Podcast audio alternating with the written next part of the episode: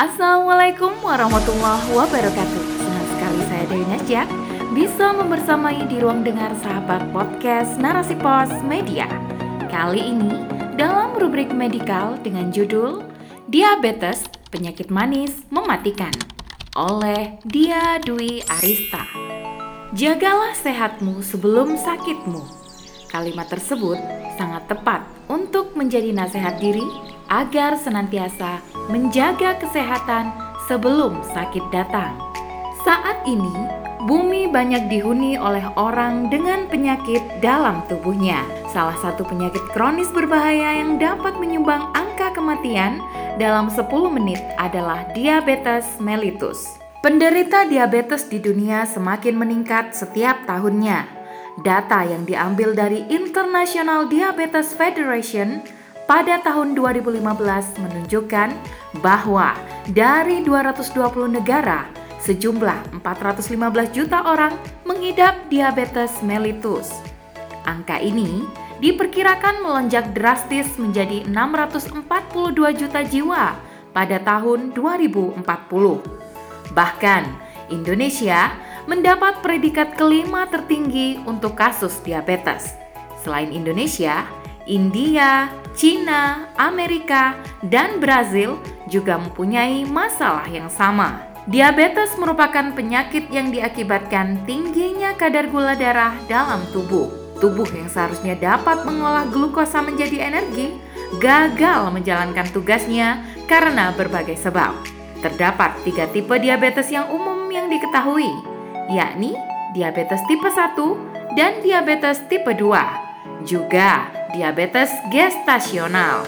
Hasil dari studi jurnal Neurology menjelaskan bahwa risiko Alzheimer dan demensia menjadi berkali-kali lipat pada orang dengan diabetes mellitus. Hingga penelitian ini menyimpulkan bahwa terdapat diabetes tipe 3. Diabetes tipe 1 Diabetes tipe 1 ini jarang dijumpai terjadi akibat dari mekanisme pertahanan tubuh yang gagal mengenali musuh hingga akhirnya imun yang harusnya menyerang patogen malah berbalik menyerang organ pankreas.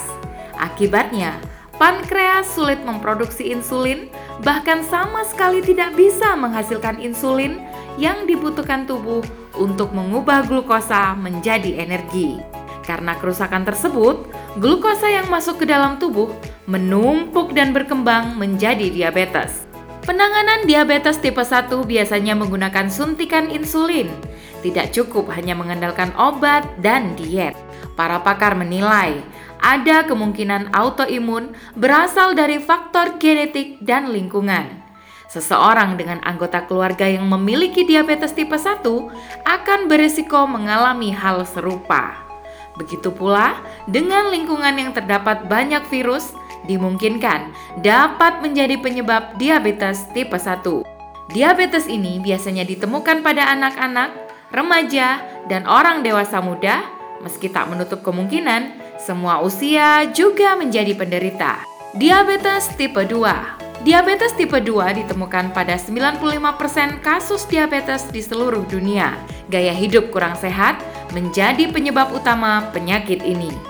Terlalu banyak makan makanan manis malas bergerak dan berolahraga menjadi faktor penyumbang terbesar timbulnya penyakit diabetes tipe 2. Pengobatan diabetes tipe 2 bisa menggunakan obat penurun gula darah. Suntikan insulin jarang digunakan untuk kasus diabetes tipe 2. Penanganan paling ampuh dari tipe diabetes ini adalah menjaga asupan makan dan olahraga secara teratur. Diabetes gestasional Diabetes gestasional adalah diabetes yang terjadi pada ibu hamil. Meskipun ia tidak mempunyai riwayat diabetes sebelumnya, berdasarkan American Pregnancy Association, diabetes ini muncul disebabkan ketika terjadi kehamilan, plasenta ibu hamil mengeluarkan satu hormon khusus. Hormon inilah yang kemudian menghambat kerja insulin di dalam tubuh. Akibatnya, gula darah menjadi tidak stabil. Namun, diabetes ini biasanya akan hilang setelah ibu hamil melahirkan.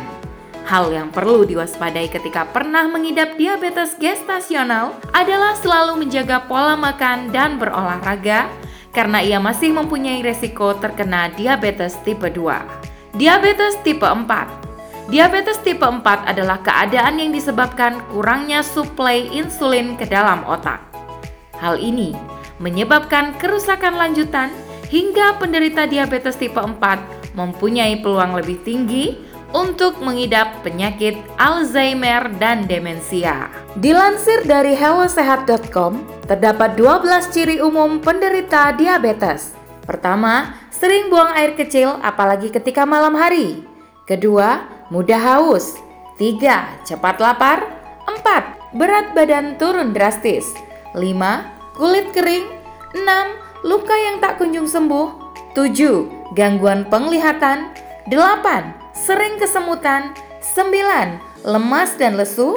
Sepuluh, rentan terinfeksi jamur atau bakteri. Sebelas, PCOS sindrom ovarium polikistik, dan 12 gusi bengkak dan berdarah. Komplikasi diabetes Tubuh memerlukan darah yang sehat untuk selalu mengalirkan oksigen ke seluruh organ. Namun, ketika darah terlalu banyak mengangkut kotoran seperti gula, kolesterol, dan lain-lain, maka darah yang mengalir menjadi terlalu kental dan pekat. Organ-organ yang dilalui pun harus bekerja ekstra dalam menjalankan fungsinya. Diabetes mellitus juga dikenal dengan penyakit yang membawa komplikasi. Bahayanya, komplikasi diabetes bisa menjangkit dari mata hingga ujung kaki. Darah yang mengandung gula tinggi dapat menimbulkan masalah pada pembuluh darah kecil dan besar. Pembuluh darah yang terletak di seluruh bagian tubuh memungkinkan terjadi kerusakan menyeluruh. Terkadang diabetes tidak disadari, namun ketika sudah menuju komplikasi, barulah penderita mulai aware dengan bahaya diabetes. Kebanyakan kasus sudah terlambat untuk penyembuhan dari komplikasi tersebut. Seluruh organ manusia yang semuanya dialiri oleh darah menjadi sasaran empuk komplikasi. Jika kerusakan terjadi di jantung, penderita berisiko terkena serangan jantung. Begitu pula jika kerusakan terjadi di otak, penderita kemungkinan terkena stroke. Bahkan, ketika pembuluh darah sulit mengalir dan menjangkau kaki, maka saraf di kaki tak berfungsi, kemudian perlahan membusuk menjadi luka diabetes. Komplikasi diabetes dibedakan menjadi dua jenis, akut dan kronis. Bentuk komplikasi jangka pendek atau akut, semisal hipoglikemia, gula darah rendah, dan ketoasidosis, gangguan metabolisme yang mengancam jiwa. Sedangkan komplikasi jangka panjang atau kronis terjadi ketika gula darah telah memengaruhi fungsi organ tubuh lainnya seperti mata, kulit, jantung, ginjal, saluran pencernaan, dan saraf. Pengobatan diabetes. Diabetes sulit disembuhkan, bahkan kemungkinan besar tak dapat disembuhkan Pengobatan dilakukan untuk meringankan gejala dan mencegah kerusakan lebih lanjut terjadi. Dokter akan meresepkan obat penurun gula darah kepada diabetesi atau penderita diabetes. Namun, jika gula darah sudah merusak pankreas atau dalam kasus diabetes tipe 1, maka dokter akan memberikan suntikan insulin untuk mengontrol gula darah. Selain itu, Penderita diabetes juga diwajibkan mengatur pola makan dan hidup sehat.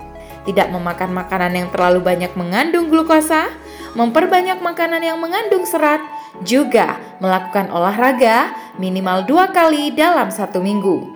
Jika diabetes taat pada gaya hidup sehat, insya Allah komplikasi bisa dijauhkan.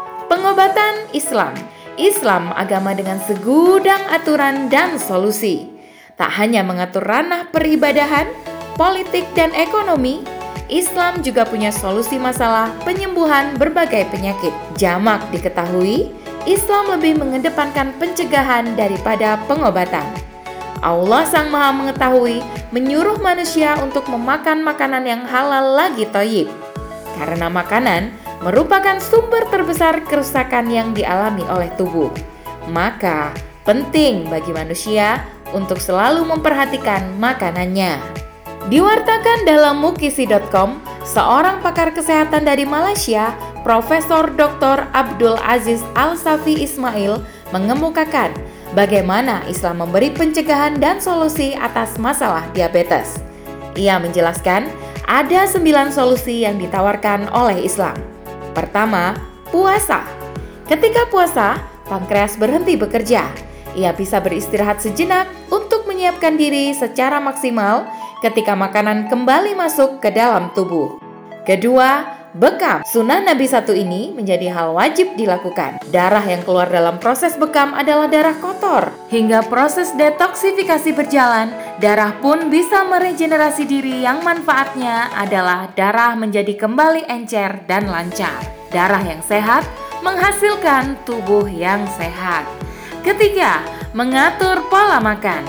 Makan ketika lapar, berhenti sebelum kenyang sebagaimana yang diajarkan oleh Nabi Muhammad SAW untuk diabetesi dianjurkan mengurangi protein hewani dan perbanyak serat dari buah maupun sayuran. Keempat, mengurangi konsumsi karbohidrat. Jika memungkinkan, lebih baik karbohidrat atau nasi diganti dengan makanan yang rendah karbohidrat seperti gandum dan beras merah. Kelima, olahraga teratur. Penderita diabetes dianjurkan berkeringat untuk mengeluarkan gula darah dalam tubuh. Maka, dengan olahraga minimal dua kali dalam seminggu, tubuh bisa mengeluarkan keringat secara teratur. Keenam, mengkonsumsi madu. Madu berkhasiat menambah daya tahan tubuh dan memaksimalkan kerja organ-organ tubuh. Ketujuh, mengkonsumsi buah nanas dan menjauhi buah anggur. Kedelapan, mengonsumsi habatus sauda. Nabi bersabda dalam riwayat Abu Hurairah, sesungguhnya pada jintan hitam itu terdapat obat untuk segala penyakit kecuali kematian.